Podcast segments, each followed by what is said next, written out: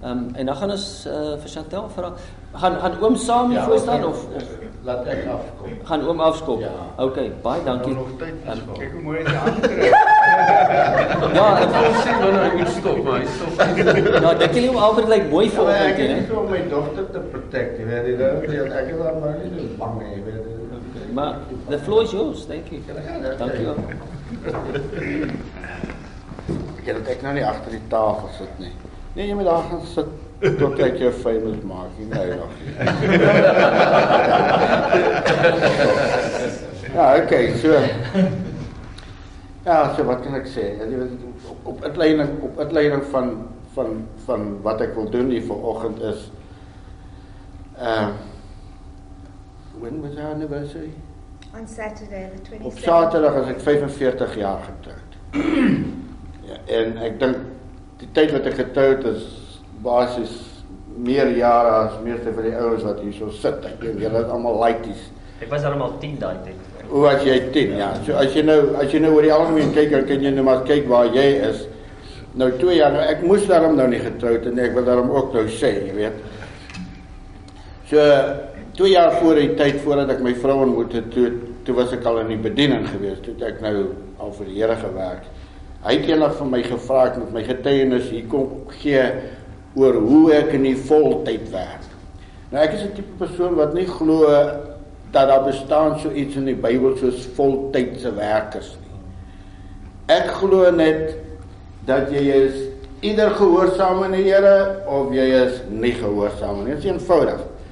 Ehm uh, toe ek begin werk het vir die Here nadat ek tot bekering gekom het in 1968 toe ek nou 'n sendeling geword het.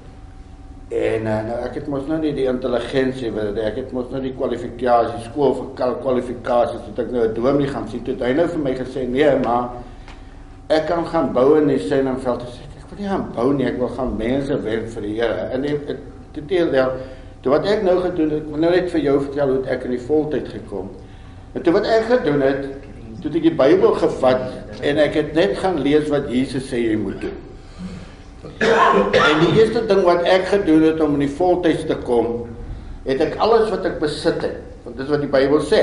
As jy wil my volg, gee alles wat jy weg, alles wat jy het weg en dan kom jy dan volg jy my. Dit ek nou die eerste keer toe ek nou begin werk het vir die Here, het ek nou alles wat ek besit het. Al my geld, al my klere, alles weggegee. Al wat ek gehou het was twee onderbroeke en twee paar sokkies. Dis die enigste twee dinge en R20 oorgehou is al. Toe ek nou begin werk het, maar ek wil nie daaroor praat nie. So in aanleiding van van van wat ek wil doen hier vanoggend wil ek twee dinge doen. Ek wil 'n grap vertel en ek wil 'n gedig vertel. Eh, nou dis die eerste keer wat ek nou doen wat ek doen. So ek en my dogter gaan die getuienis deel. En die getuienis wat ons gaan deel is die laaste 28 years. Die laaste 28 jaar van my lewe. Want die laaste 28 jaar wat voor dit ook, so ek het nou wat 45 jaar getroud. En in die tyd wat ek getroud het, is my lewe my lewe in Christus is in twee verdeel party mense se avontuurverhale wat hulle lees en party mense se nagmerrie. So ek het 'n avontuurlewe gehad, maar ek het ook 'n nagmerrie lewe gehad. In die tyd dat ek vir die Here werk en ongelukkig my dogter was deel van hierdie nagmerrie lewe. Ons gaan vir julle probeer om gesamentlike gesamentlik dit is Engels. Ek weet nie goed how good do you understand Afrikaans? Understand it but I choose to speak. Okay, so what I'll do is I'll just gooi a little bit of Rooinek taal in so that everybody can understand. So so in in die tyd wat ons saam is wanneer jy 'n familie is, as jy 'n man is, 'n vrou en kinders en iets gebeur met jou kind, dan gebeur dit nie net met jou kind nie, dit gebeur met die hele familie. Dit gebeur met almal. En as iets met die man gebeur, dan gebeur dit met die hele familie. My nou weet, ten spyte van so ek in uitleiding wat ek inleiding wat ek wil sê, gaan ek tweede moet ek gaan 'n grap vertel en dan gaan ek ook 'n gedig doen. Die grap gaan oor Jesus en die duiwel wat eendag by put. Die, die grap is baie noodsaaklik. Mag nie wees, maar dit het 'n doel hoekom ek dit vertel.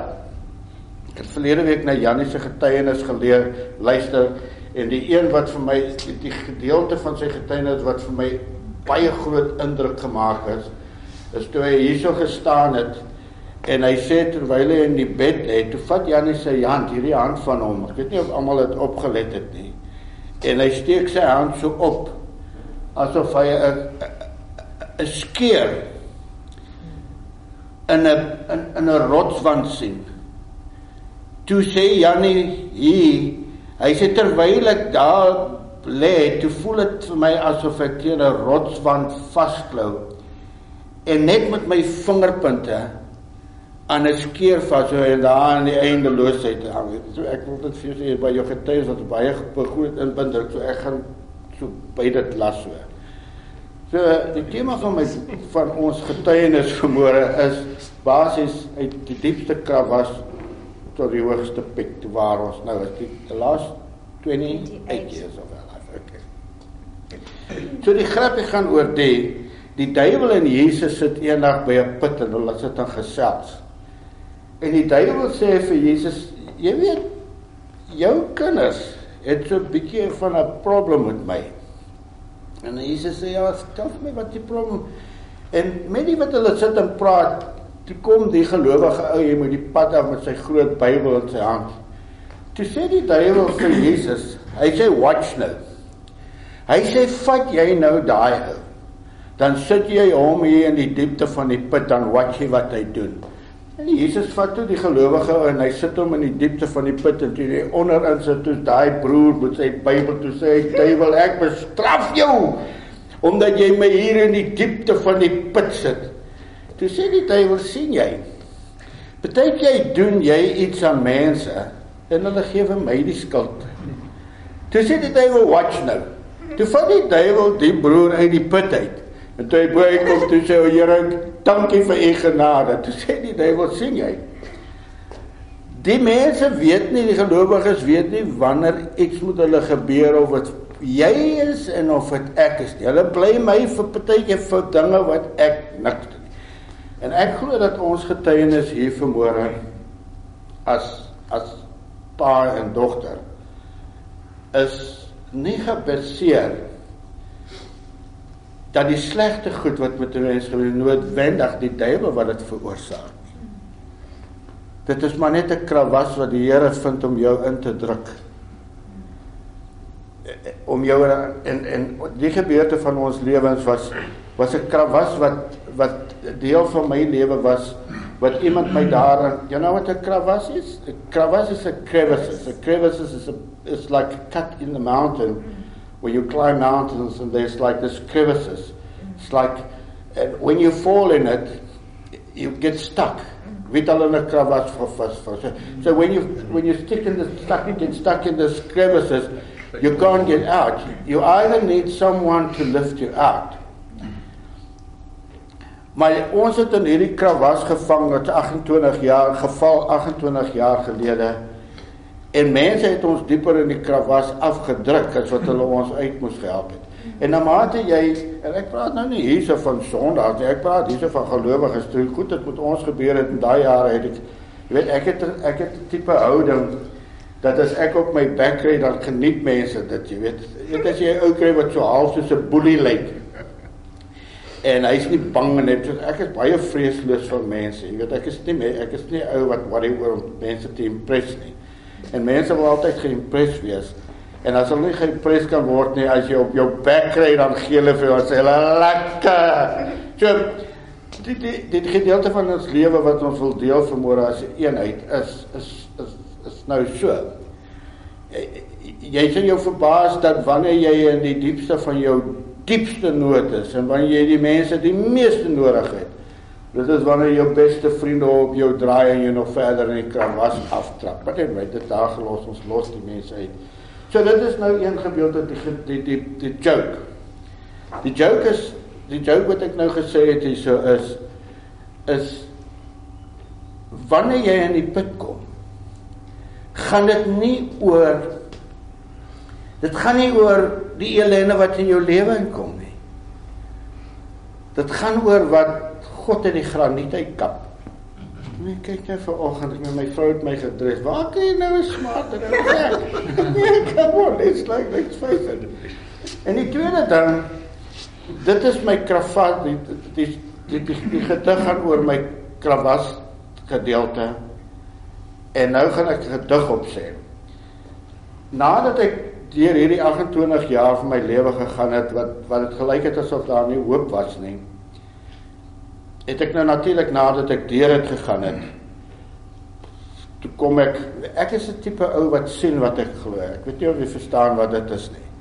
Baie mense glo wat hulle sien. Ek sien wat ek glo. Ek is ek is so 'n siener uh, profeet of so iets. Uh, ek kyk na mense dan sien ek hulle. Ek kan dit nie verduidelik nie. Dit's nie dit's nie wat jy ek kyk na jou kyk dan sien ek presies presies wie jy is Daaroor is ek so opreg en reguit met mense.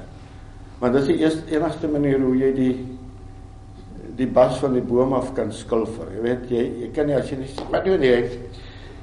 En nadat hierdie gebeurtes wat met ons gebeur het as 'n familie toe ek deur dit gegaan het, toe ek aan die ander kant uitkom, toe sê die Here vir my, toe sien ek hoe ek hierdie piek uitkom en die Here sê vir my draai om.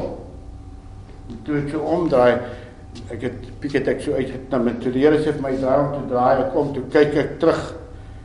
Toe skryf ek hierdie gedig. Maar nou in Engels geskryf. I stand and look back at my life. I saw a road that stretched through time. It was hard and not so easy just like a jagged line. The ups were up, yes, very high, but the downs were down below. And the straights were very short for me, but very hard for me to go. Now, I don't like to murmur of things that yet have been, but on this rugged road of mine, a lot, yes, I have seen to write it down in just one page, a scroll, then I would need. And the starting point would be the west and where the east to meet. So ek raak nou 70 en ek ek ek, ek kan nie verstaan hoe die Here met baie mense werk nie. Maar my lewe bestaan uit uit gekondenseerde goed. As as jy As jy wil 50 liter water, 50 liter melk dra, dra in jou hand dan kondenseer jy dit. Dan haal jy al die water uit, dan kan jy 50 liter baie maklik in jou hand dra. So dink jy voel ek asof asof my ervaring in my lewe vir my 200 jaar op die aarde gesit het. En tog lewe ek maar 70 jaar. So in getuig met hierdie gedig Ek is nou 45 jaar getroud. Nadat ek getroud is, het ek tussen die kledingareas gewerk vir die Here. Ek het geëvangeliseer daar. Nou ek ek het al my jare wat ek in die bediening was, het ek nooit na die veiligste plek gaan soek om te gaan werk vir die Here nie. Ek dit is maar net dit is maar net soos ek is. En die arrogansie wat ek opgebou het, die Here het niks te doen met arrogansie. Deur die lewe van my ondervind absoluut niks te doen met my arrogansie. Dit is maar net boldness. Dat as jy in die hartjie van waar die duiwel werk wil gaan, dan moet jy vernuf hê. Jy moet jy moet savvy hê, boetie. Jy kan nie daar byvoorbeeld in uh kreefgat nie. Ek weet nie wie kreefgat, kreefgat is so ergens is so verby dan as jy kan nie daarin gaan as 'n wit ou en daardie gospel wil gaan preek en dan loop jy daar so eener in die aand rond om vir die mense te vertel van Jesus Christus daar en jy kies 'n bietjie van 'n bietjie van 'n attitude nie. So jy moet so 'n bietjie van 'n attitude hê. So my attitude het niks te doen met my arrogansie nie. My attitude maar net te doen met my confidence. En dan my boldness. Ek is nie bang nie. Ek het nog in die jare wat ek vir die Here gewerk het, ek nog nooit agter 'n vrou se skirt gaan gaan gaan wegkruip om iets vir die Here te doen, hè. Ek, ek het dit gedoen. Ek het net uitgegaan en dit gedoen. Jy weet dit was taaf, maar dit was lekker. Maar anyway, en nadat ek vir die Here vir 'n lang tydjie gewerk het, het ek nou eendag my vrou ontmoet. Ja, ek het nooit gedink ek sou vrou kry nie, maar die Here nou vir my aan nou 'n smart girl gegee, jy weet. Ja, en Chantal, my vrou is kleiner as Chantal en ek haar nou ontmoet het, het sy twee keer om haar lyfie gevat en ja, gesoen het boetie. Weet ek kon onthou toe my vrou my die eerste keer ontmoet het. Die eerste ding wat ek vir my vrou gesê het, ek het haar 'n traktaatjie gegee en ek sê hier ek pen, you know, en dit so so Dit was wat ek die eerste ding wat ek gedoen het. En sy het 'n bietjie geskrik en so en wat wat maak ek nou? Maar nou het ek nou die girls in te gaan ek uit en trek en daai jaar toe was ek nou nog bietjie fit, het ek nou nou nie maag gehad en so en jy weet ek het nou maar meer gevas as wat ek geëet het en sulke goed is. Maar anyway, toe was nou geboorte toe het ek nou my het ek het nou mos nou nie getroud het nie, maar anyway, toe ek nou my vrou ontmoet het en ons het getrou. Toe die Here vir my hierdie kind gegee. Nou ons getuienis, jy moet net vir my sê as ek weet dat ek die rede hoekom ek net so 'n bietjie praat, ek wil maar net so 'n bietjie inlei want ons gaan vermoere 'n nuwe vorm van getuienis gee. So wanneer my dogter, ek het vir haar gesê when you feel that you have something to say about your experience, then you just make me quiet. I'll just sit down and then you come and share. So Ons het vermoere 'n vorm van getuienis hierso waar ons het waar ek wil dit doen as pa en dogter. Maar wanneer jy 'n familie het wat die een persoon deurgaan, is dit is dit obvious dat die ander mense dit ook deurgaan. Anyway, toe ek nou nadat ek getrou het, toe die Here nou vir my die smart kind gegee. Ek kon natuurlik toe hy gebore was, het sy so Popeye gelyk. Die oggend toe sy nou nog gebore was, het ek nog daai oggend gaan visvang toe ek nou al nogal die ek het in die bus geklim met my lang visstok en ek is af daar na Bakoven toe en ek het daar die oggend die grootste hortmotsvisse wat ek nou nog gevang het niks oor kleer te doen nie maar anyway. Groot hortmotsvisse wat ek nou gevang het daar by Bakoven. En toe ek nou by die huis gekom het daai jaar het ek nou nie kar gehad en so aan en tog onderbrekend. Anyway, so toe die Here nou vir my Chantel gegee. En ons het gebly in in Soutrivier. So hy sê dit was R28 'n maand gekos of so en ek daai jaar ook nog nie kon bekostig nie. So maar ten spyte nou van dit Nou Chantal toe sy kind was dit sy sy langs my kant van die bed gelê in haar bad waar ons haar gebad het. En ons nou maar weet jy die ou plastiek bakkies wat jy nou word op by stands gehad en dan het ons nou in die bad het ons nou vir Chantel haar bekkie gemaak. En dan sy nou langs my gelê. En daai jare toe ek vir die Here gewerk het. Ek is baie lief vir die Here jong. Ek is baie mal oor die Here. En baie keer, maar ek kompeteer nie met my geloof nie. Ek is nie liewer vir die Here as wat ander mense is nie ek is net baie passievol vir die Here. Ek is so ek is so verlief op die Here. Ons is nou besig daar onder tussen die bergies daar onder waar ons nou werk. Daar's 'n paar bergies, 'n paar paar nie bergies en die ja, verlede week sê die Here vir my terwyl ek haar preek, sê die Here vir my Albert. Hy sê hierdie mense wat jy voor kos gee. Ek sit elke week hier en eet saam met hulle. Toe sê ek vir hulle want die, ek is 'n ou wat ek is 'n ou wat baie liefde in my hart is.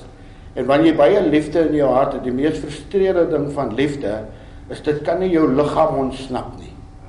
Dit dit is hier binnekant jou en jy wil net jy wil mal word jy moet nou toe gaan jou. Ja, dit is want liefde die die uitdrukking van liefde is is om passievol te wees. Ek meen as jy jou vrou na die bed toe vat dan speel jy mos nou nie games nie man. Passion is passion passievol, dit is 'n passievol ou. Maar anyway, dit is baie so dit dit ek nou van Chantal gesê, ek sê ek gaan nou elke week ek begin met die ou wat die vuilste is en die ou wat die meeste stink.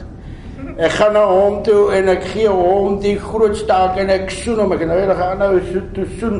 Toe sê vir my albei jy moet daarom met geskeer ook. so, toe sê toe sê die Here vir my as jy dit nou vir elke ou daar doen dan gaan jy nou 'n geleentheid kry om vir my te druk en te soen. Dit dit, dit is nou my werk. Ek doen nou dit dit elke week. Ek gaan nou elke ou toe gee om 'n druk en 'n soen. Maar nou het my dogter nou gebore word, het ek altyd 'n begeerte gehad om iemand te hê wat saam met my sal staan om vir die Here te werk. Ek het nog ek is nou 47 jaar in die bediening. En dit is baie moeilik.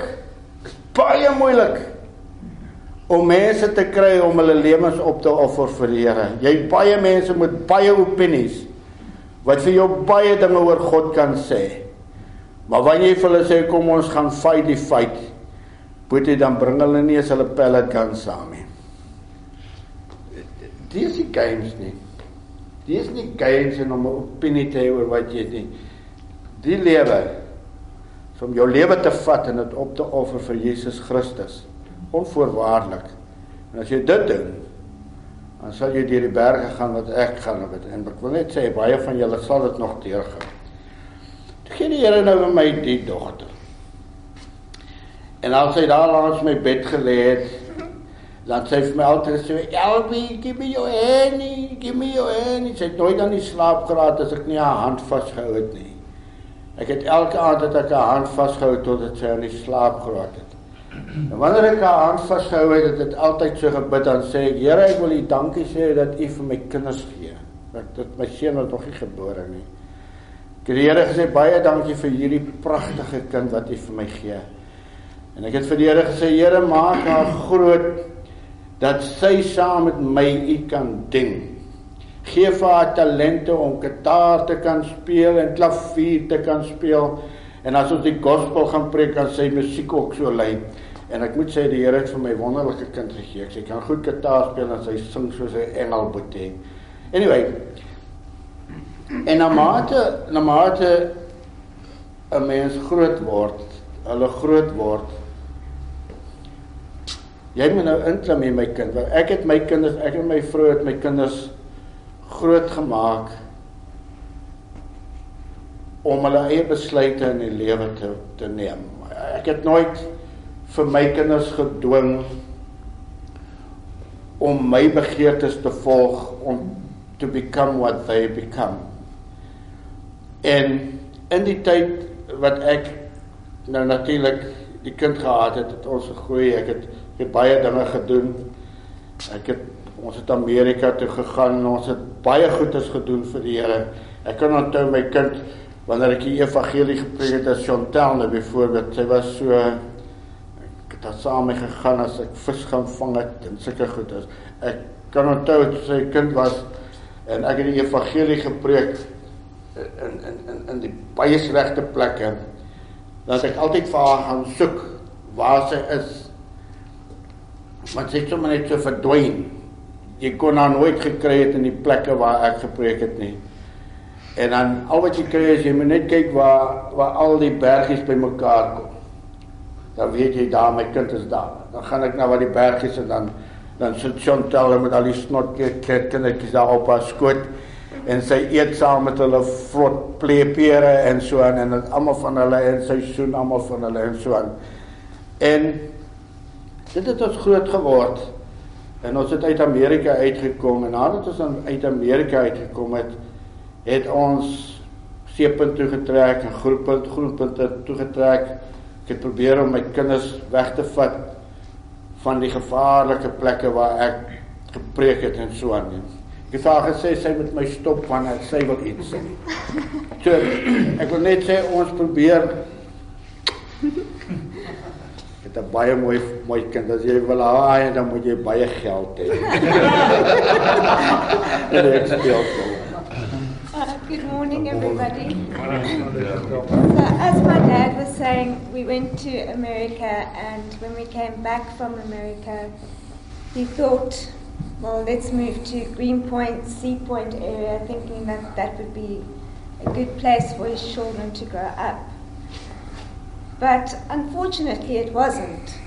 At the age of five, just to get back uh, at the beginning, my desire as a young, do- a young child was to become a music teacher.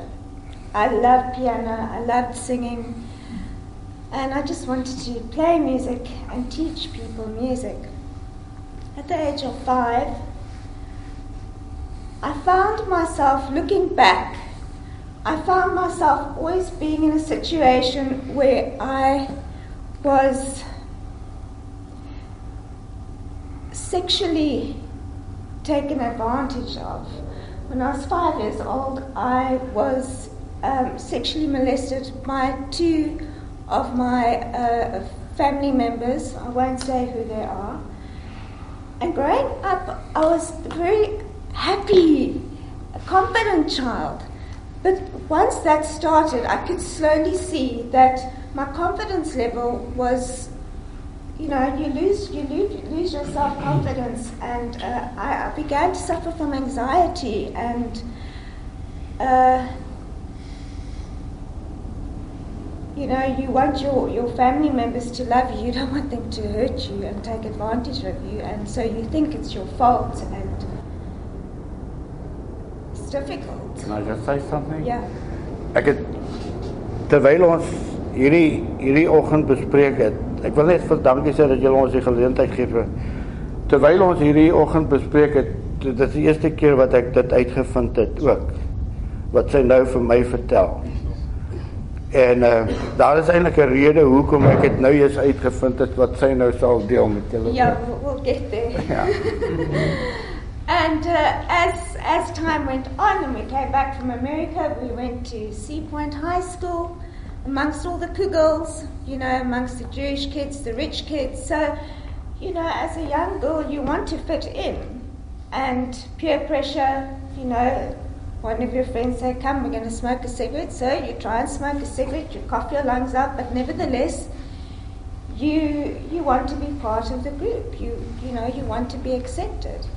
And I was very naive, extremely naive and innocent. And one night I went to go and sleep by my friend. Take into consideration that three nights, three weeks before the night that I was raped, I had a dream that I was going to be raped. But I shrugged it off. And the night that I was raped, I had this strong feeling within myself that something was going to bad was going to happen to me.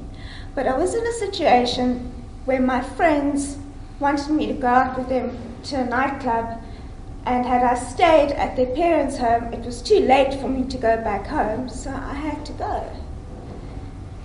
And I went to the nightclub with my friends. Two o'clock that morning, I was gang raped by three Muslim men with a gun, with a knife held to my throat. Um, I was repeatedly raped for about two hours in the darkness. And uh, I thought, that's it, I'm going to die. Take me, I've had, that's it. And I remember on the way home, the one guy that raped me said to my friend, just give her a bath. Look, Naturally, I was full of blood. Uh, he, he said, just give her a bath, she'll be fine. And for days after that, I suffered from guilt. I didn't want to tell my parents. I had to go to hospital. I was hospitalized for five days because of the way they hurt me and abused me. And eventually, I had to tell my parents. And a, a, a case was made against these guys. And uh, I found that while I was in hospital, all my Sea Point friends came to visit me with flowers and gifts and this and that. But as soon as I returned back to school, it was like I was a cheap whore. I lost all my friends. The guys who I had been friends with just wanted to sleep with me because they saw, look, she's not a virgin. So let's take advantage of her. And of course, my principal wasn't very supportive of what happened to me neither. So I thought I'm leaving this place. Stuff school, stuff these people. I am now on my way. And with that, I met my first husband. Can I just, can I Yes. just come in? Dit dink Okay. Deur daai tyd wat dit met haar gebeur het, dit is wanneer dit is waar ons as 'n hele familie in 'n absolute krawas gedruk word for A very long time. for a very long time.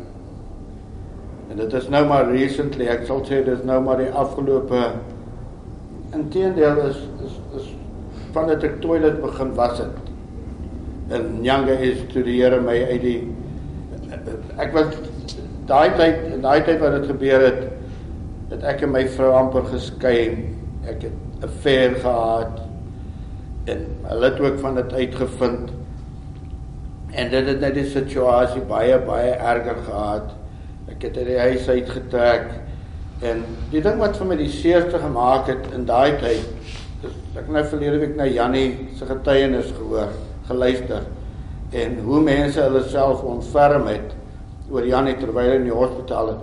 Nou ek het 'n tipe van 'n gesindheid, so half van 'n boelie-agtige gesindheid, jy weet. En as jy iemand kry wat so 'n boelie-agtige gesindheid kry, as hulle so op hulle bek kry, dan rejoice jy mos jy kry dit net uitgekry wat hy wat hy wat hom toe kom, jy weet. So ek het daai tipe oh, as ek as ek so 'n bietjie persecution kry dan dan geniet die mense dit. En dit het met my ook gebeur daai tyd. Toe dit gebeur het, het ek eendag ek het ook so ek was deel van so 'n groep ouens soos hierdie ouens wat ek geglo het in my hart. Hierdie ouens is baie lief vir my want hulle was ook Christene. En ek het eendag so toevallig na dit nou gebeur het, so toevallig het ek nou op hulle afgeloop waar hulle my bespreek het. En toe ek so inloop waar hulle my bespreek het, toe ek so in die middel kom staan, toe bly almal van hulle doodstil en hulle het hierdie skuldige gelyk, so skuldige so skuldige dinge op. Toe sê ek vir hulle ek glo julle ouens is my vriende, jy weet. Moenie ophou van my praat as ek nie hier is nie. Ek sê julle ouens gee julle ouens gee vir my die gevoel dat julle nie so genuine is as julle voorkom as jy sê nou vir my klaar wat julle wil vir my sê. Toe sê hulle vir my hierdie goed is dat wat met jou gebeur het is 'n baie goeie ding sodat jy kan nou leer om jouself te repent en so aan. En hierdie ouens het my hierdie ouens het vir my gerattle boetie. As ek ou Volkswagen was wat roes gehad het, het daar boggerol roes in my gewees na dit. Hulle het my so gerattle. En dit het vir my ek het vir 17 jaar want nadat dit met my dogter gebeur het ek is 'n boer man, ek is Afrikaner. Ek het ek het ek ek is 'n baie protective person. Ek is wat is protective in Afrikaans? Beskermend. Ek is baie beskermend. Ek ek ek is 'n vriend wat jy wil saam in die oorlog wil hê, maar ek ek sal 'n bullet vir enige ou vat. Dit is hoe ek is. Ek is taaf. Dis eintlik so 'n bietjie van 'n coward maar die ding is eers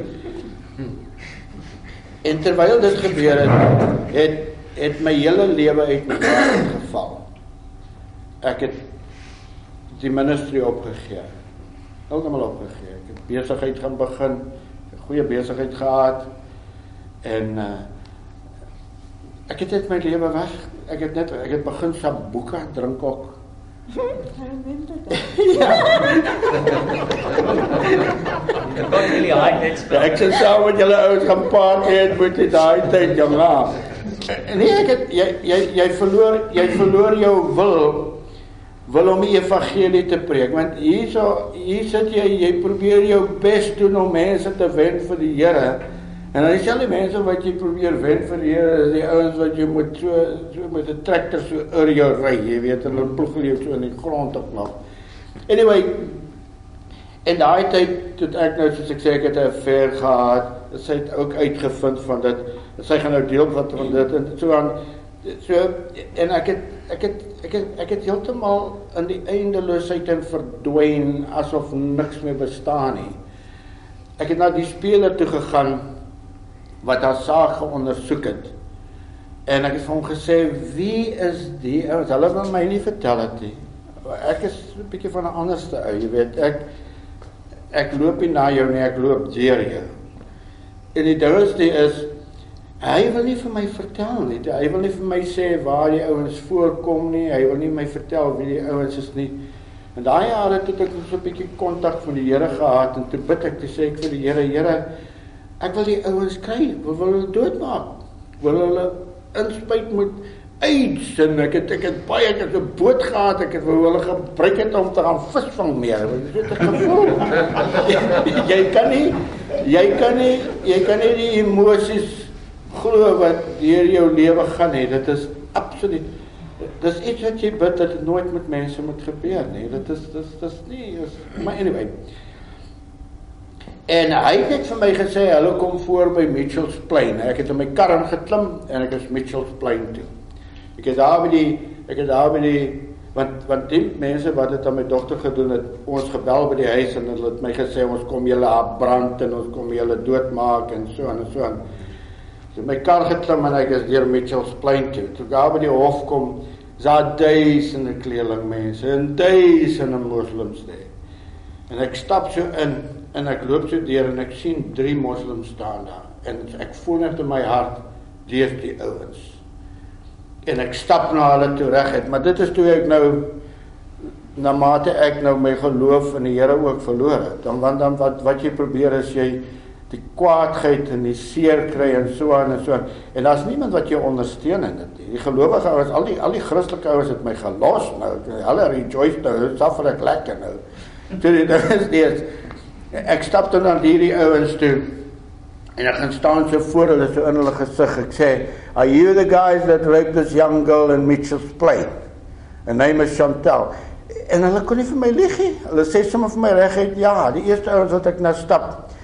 En ek ek stap so na hulle toe so so en ek kyk so maak my oë so hard in my kop.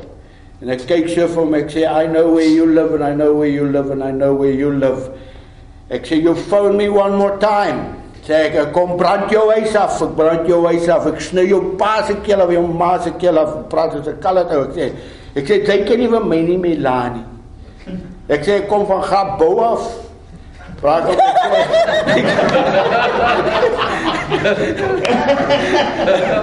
ek ek ek sê vir hom jy kan nie vir my nie. Ek sê ek breek jou bene man. Ek sê ek sê jou ek sny jou boetie se keel af man. Jou jou sussie se keel af. Ja, daar sal niks van jou familie oorbly nie. Hulle het my nooit weer agter dit gebel nie. Maar na mate dit aangegaan het, het die seer kry wat in jou hart en die behoefte aan mense om jou te verstaan, om jou deur hierdie tyd te dra. Baie moeilike tyd vir my lewe. Dit was vir my, ek kon nie hy of môre nie. Dis 'n baie moeilike tyd van jou lewe. En ek wil net vir mense hierso sê, jy weet ek was baie lief vir die Here en ek het my kinders baie goed grootgemaak. Ek het verlede week na Jannie se getuienis geleer en ek het vol ek het ek het gesien hoe vulnerable hoe wat vulnerable in ons kwesbaar. Hoe hoe kwesbaar hoe hoe kwesbaar ons is. En moet nooit dink, jy weet, daar's een ding wat ek geleer het nadat dit my gebeur het. Daar is een ding wat ek nooit weer in my lewe sal sê nie. Is daar iets slegter wat my kan gebeur as dit?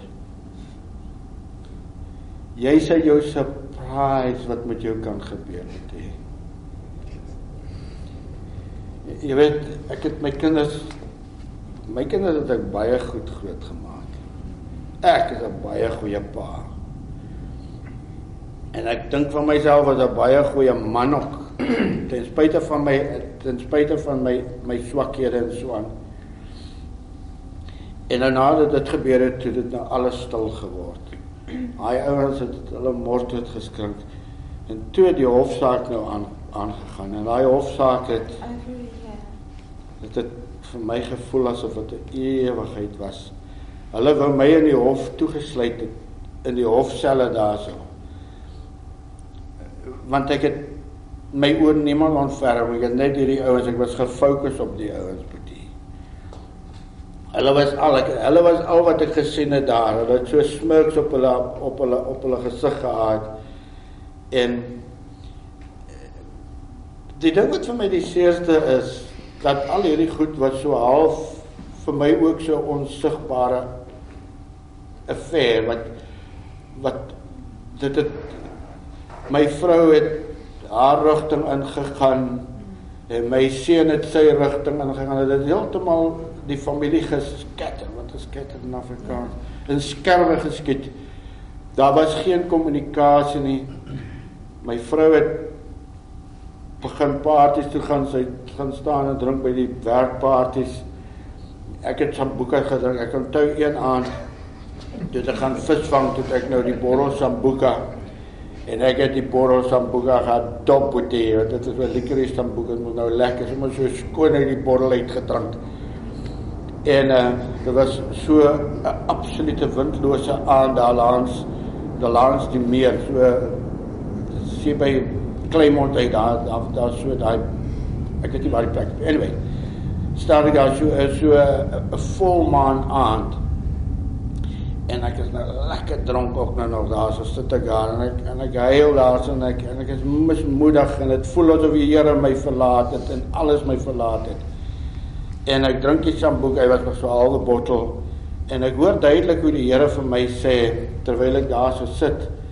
Hy sê vir my moenie gewoontes aanleer wat weer moeilikheid moeilik vir jou gaan wees om af te leer. En toe die Here vir my dit sê, toe vat ek die halwe bottel sambuca so en ek gooi dit uit. En ek maak 'n besluit in my daai aand dat die beste ding wat ek kan doen is om die mense heeltemal te vergewe. Om wat's dit woord wat jy use? To give up resentment. Is weet jy weet jy hoe jy weet jy het mense vergewe as daar geen resentment in jou hart is nie. Daar resentment, ek weet nie wat dit in Afrikaans is nie. Dit hoe nee. Ja. Dis nie bitterheid of so nie. Resentment is wanneer jy na die ou kan gaan wanneer jy na sê nou hy het vir my baie seer gemaak. Ja, wanneer jy na hom kan gaan en jy kan vir hom net so lief hê met so opregtheid dat daar absoluut geen negatiewe gevoel teenoor hom is nie. En daai aand te besluit ek in my hart dit is wat ek gaan doen. Ek sê vir die Here, ek gaan presentment heeltemal gee. Want die Here sê vir my terwyl ek daar staan en hy sê my nie gewoond is, toe sê die Here vir my Albert my kind, daar is niemand op die aarde wat jou haat waardig waardig is nie. Los dit. Jy verwoes jou lewe. My hele lewe was verwoes heeltemal. Ek kan nie wiele as ek vir julle vandag sê wat se ellende daai tyd was dan ek weet nie dit broken by Jonas sê something else ja just about uh after I was kan ek net iets sê ek dis die tyd tot ons hoor I won't be long so die rede hoekom ons dit saam doen ek ek gaan antwoord. I told you to tell me to shut up when I'm talking too much. you know, it also makes sense. So I need to also give you a chance, okay. regardless of that. Um, well, after I was raped, um, how old were you? I was 16 years old and I was a virgin. You know, as a child and as a girl, and, and my upbringing, uh, we were brought up in a very strict home environment. Uh, my dad, being a missionary, was always going with him to these uh, to go and preach the gospel and stuff like that. So my mother had her place as the woman. My father had his place. God, then the husband, then the woman, and then the children. It, it, it was it was a good order, the way it should be. And um, after I was raped, I was angry with God. I was angry with my dad for having an affair. I was angry with the men in my life who I called family who sexually molested me. I was angry. I was hurt. I was bitterly hurt. So I resorted to drugs. die klomp tik gebruikers. I first began to use uh, acid. And I remember I was 17 and I went with a friend. We went to the top, the top of Signal Hill. And I was, I was, you know, I had taken this cup of acid and I saw all these lights twinkling across Cape Town. And I started crying and I said to my friend, if only my parents can see the beauty that I see, what has happened to us, this is so beautiful.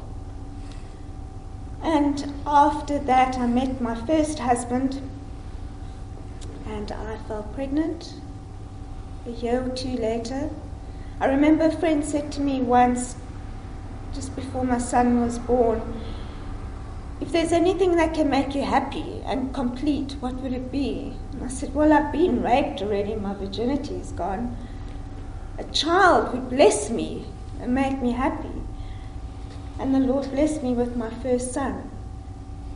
I, unfortunately, being in a relationship with my children's father, he was a drug dealer at the time. So, six months we were in church serving the Lord. six months heavily on drugs, on speed, methamphetamine. But during that time, even when I was on drugs, I always asked the Lord and I was seeking God, find, trying to find answers because I knew that I was still his child. And after I think the age of 28, I was on hard drugs for 10 years of my life, from the age of 18 to 28. So I've been free from drugs from the age of 28. I'm 44 now. Uh, I, my husband and I divorced. Unfortunately, I needed to get out. I came clear. I was transparent. I came to the open. I spoke Can to I my dad something? about it. En daai tyd en daai tyd het hulle in Wynberg gebly en ek het besigheid gehad en so aan. En ek het na my skoonseun toe gegaan. Maar het vir my gelieg, jong. Yes, sê man. My skoonseun het onder andere elke week het ek na hulle huis toe gaan na dan nie kos nie en en dan praat ek met my skoonseun ek wil nou nie sy naam sê nie want dan praat ek nou sleg van hom so ek vra vir hom kry jy nie genoeg wages by die werk hy sê vir my Mr. uit my en ek my nooit paag of dat en hy sê Mr. Wassenaar I only get about 450 rand a week ek het te veel 'n voertuig gegee. Daai jare het ek nou nog 'n besigheid gehad, het ek nou nog goed geld gemaak en so en ek het hulle voertuig gegee, bakkie gegee. En toe vind ek uit hulle gaan verkoop, hulle hulle gebruik die bakkie om te gaan drag smokkel en goed en ek het nou die bakkie nou maar weer teruggevat. maar anyway, toe nadat dit gebeur het, toe bel ek my skoonseun se baas en ek sê vir hom Mr Fisher See, know, I, I don't want to complain, you know, and I don't want to seem like I want to interfere, but can't you give my son-in-law a bit of a raise, you know? Like say every every month we got to pay their electricity bill. Well, nie elke maand nie, so elke 6 maande dan moet jy die die elektrisiteit te gaan afsit want hulle sit dit af. En dan kos dit jou oor die 1000 2000 rand om die bil te betaal om dit weer aan te kry. Dit nie verstaan nie, jy weet. En die ding is die is terwyl ek sê baas, ek sê vir hom can't you give him a raise to, to say for me Mr. Wassenaar, how much do you think I pay your son-in-law? Ek sê vir hom about 250 rand a week. Hy sê Mr. Wassenaar, I pay my son, your son-in-law 15,000 rand a month. Toe trek die mense 15000 rand.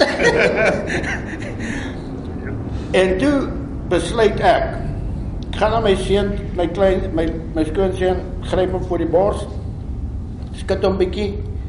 Ek sê vir hom, "Boetman, ek sê die dag toe ek jou my dogter gegee het, toe vra die die dominee daar, who gave this child away to sê ek vir hom, me. Ek nou vorentoe gestap. Ek sê and normally when a father gave over his daughter to his husband, he expect the husband to be a better man than the father. Dit moet ons klaarmaak. 7 minute. Aye. Hoeveel? By Seven. Seven. Okay. Three. Round it up. Ja. Anyway, so yeah, you can take it from there. Okay, so, and uh, thereafter, yeah, I moved back to, in with my parents. I, I, I worked, I'm a qualified preschool teacher, um, but I was still very unhappy. Very unhappy, still lost. Then I met my second husband. I was with him for 12 years and married to him for 11 months. And during that time, after we got married, I just felt extremely isolated and I felt that he was indifferent to me. And so I began drinking. I won't say that I was an alcoholic, but I drank on a Friday night and then it escalated to a Wednesday night and a Friday night. But through it all, today, I can say for the last three years, I have been in the ministry with my father. And the Lord brought us out of that crevice. Amen. And now we are standing on top of that mountain. And we're still going to sing together. Yes. And uh, yeah, so if I can just give you a bit of understanding or some insight from our experience, you men who are married, it is very important that you take up your cross and you put God first and foremost in your life. It's very important. What happened in our situation is that my mother tried to protect us and she became secretive to exposing the truth. And it creates a lot of damage and a lot of destruction. And I encourage you and I urge you to take your stand and take your position as the man of the household with God as your center and the wife as her position. Some women won't like what I say because women tend to handpick. It's the truth, I know, I am a woman. Uh, they want to control, but they don't realize the damage and destruction that they cause. So I hope that our testimony was a blessing this morning. It's a trial period, so thank you. I after how, how long was it? 28 years. Mm. 44 years ago she was born. En 44 jaar terug het ek gebid dat sy saam met werk en nou werk sy saam. En die experience wat ons gehad het nou. Ek kan baie keer sien hoe Chantel met die mense wat daar in Brooklyn en miskien is daar mense wat deur dieselfde ding gaan wat hierso sit. Jy moet nooit dink dit is met Brooklyn mense wat dit gebeur nie. Kan onthou toe ons in Seepunt gebly het hoe baie kinders daar na my huis toe gekom het wat se lewens uitmekaar uitval omdat hulle ouers geheim hou, hulle hou dit so hou dit so vas en dan mate hou dit so vas as dit op pitsweer. Dan ontplof dit dan stink alles. So die ding is dis na al die jare het die Here nou vir my dogter vir my gegee dat sy nou saam met my werk. So dit is daarom nou dit is nou vir oggend die eerste keer dat ons saam getuig as as 'n eenheid oor net basies een gedeeltjie van ons lewe. Ek meen ek het ek het getuig soos soos ek sê soos 'n skrou die gedig. Ja. Ek ek lewe 'n lang lewe. 'n Lang lewe. Ek gaan moet net